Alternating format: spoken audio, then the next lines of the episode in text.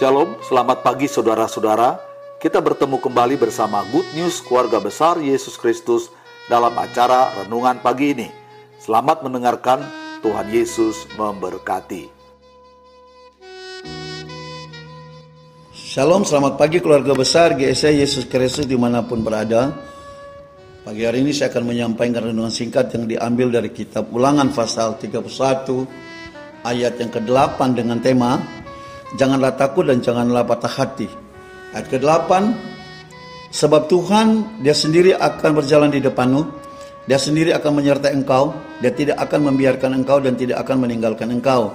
Janganlah takut dan janganlah patah hati.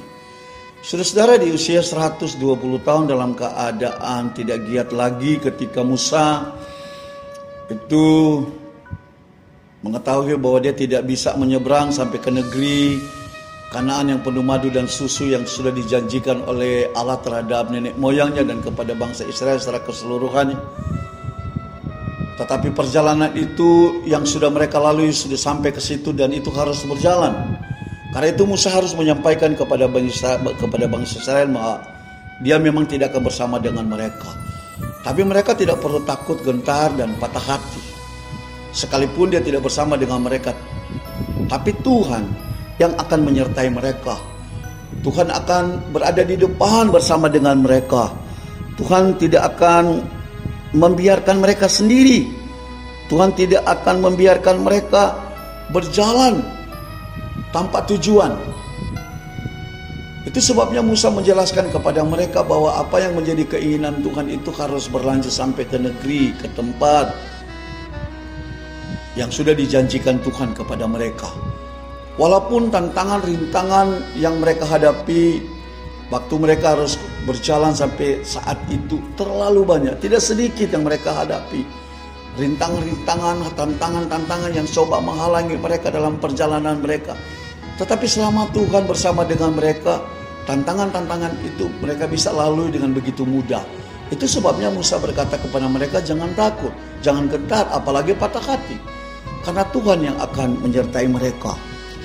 Janji Tuhan itu ya dan amin. Mereka tidak perlu takut. Seperti apa yang telah dilakukan oleh Tuhan pada ayat yang keempat. Dan Tuhan akan melakukan terhadap mereka seperti yang dilakukannya terhadap Sihon dan Og. Raja-raja orang Amori yang telah dipunahkannya itu dan terhadap negeri mereka.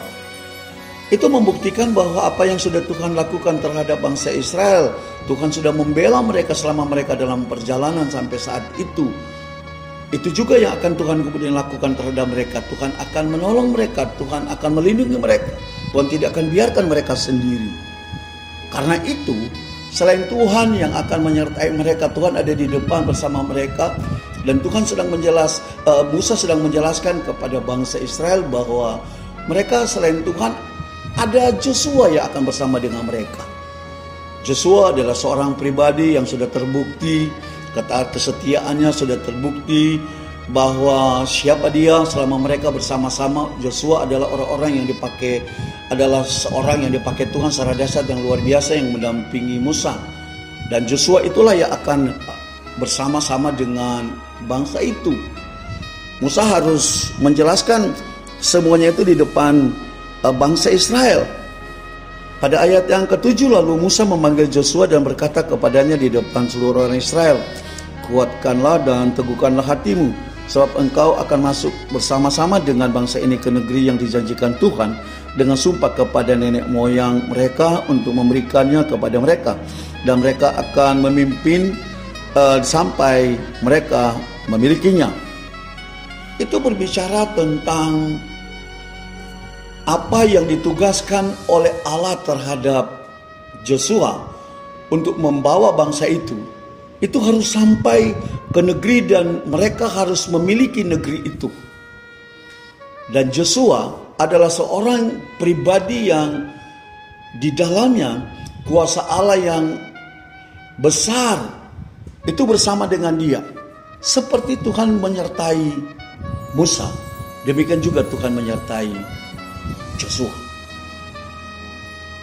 Saudara, kalau kita melihat di situasi zaman sekarang, rintangan dan tantangan yang sedang kita hadapi sekarang ini yang memang nyata-nyata yang terbesar saat ini adalah corona. Corona yang tidak semakin rendah, tidak landai tapi semakin tinggi. Dan itu terjadi tidak hanya di Indonesia tapi di seluruh dunia dan tidak hanya corona saja ada banyak hal-hal yang sedang akan menghalangi perjalanan hidup kita ke depan. Tetapi percayalah selama Tuhan bersama dengan kita dan kita tetap bergantung kepada Tuhan, percaya kepada Tuhan, Tuhan akan menyertai kita. Seperti Tuhan menyertai bangsa Israel lewat Musa dan dilanjutkan oleh Joshua, demikian juga Tuhan akan menyertai saudara dan saya Tuhan tidak meninggalkan kita karena kita ini adalah biji matanya, kita ini adalah anaknya. Percayalah saudara situasi apa pun juga yang kita lalui memang eh, kita berada di sana dan kita berada di masa ini dan saudara dan saya termasuk salah satu yang ada di dalam. Marilah kita tetap berpegang kepada Tuhan dan kita perlu kita tidak perlu takut dan gentar Selama Tuhan bersama dengan kita, lakukan saja apa yang perlu kita lakukan di setiap aktivitas, pekerjaan, usaha. Ya, percayalah bahwa Tuhan ada di sana. Tuhan tidak tinggalkan saudara. Asalkan selama kita kemudian hidup kita tetap harus melakukan sesuatu yang menyenangkan hati Tuhan. Tidak hanya Tuhan saja yang menyenangkan hati saudara, tapi kita juga harus kemudian memberikan efek yang besar, dampak yang besar sebagai ciptaan Tuhan, sebagai pribadi-pribadi yang kita ada itu bukan karena orang lain, kita ada karena Tuhan. Percayalah bahwa Tuhan yang menghadirkan kita selama kita bersama dengan Tuhan, Tuhan akan bersama dengan kita, Tuhan akan menolong kita. Jangan pernah takut dan gentar. Apa pun juga situasi kondisi di saat sekarang ini. Ya, tetap kerjakanlah dengan benar dan selalu berpercaya kepada Tuhan. Jangan lupa Selalu berdoa dan baca firman Tuhan. Tetap terus terkoneksi dengan Tuhan. Di mana saudara berada, apa pun yang kita kerjakan seperti yang Tuhan mau kita kerjakan, percayalah Tuhan bersama dengan kita. Tuhan akan menolong kita sekarang sampai selama-lamanya. Terpujilah nama Tuhan dari kekal sampai kekal. Amin. Terima kasih saudara sudah bergabung bersama keluarga besar GSA Yesus Kristus Sampai jumpa, Tuhan memberkati.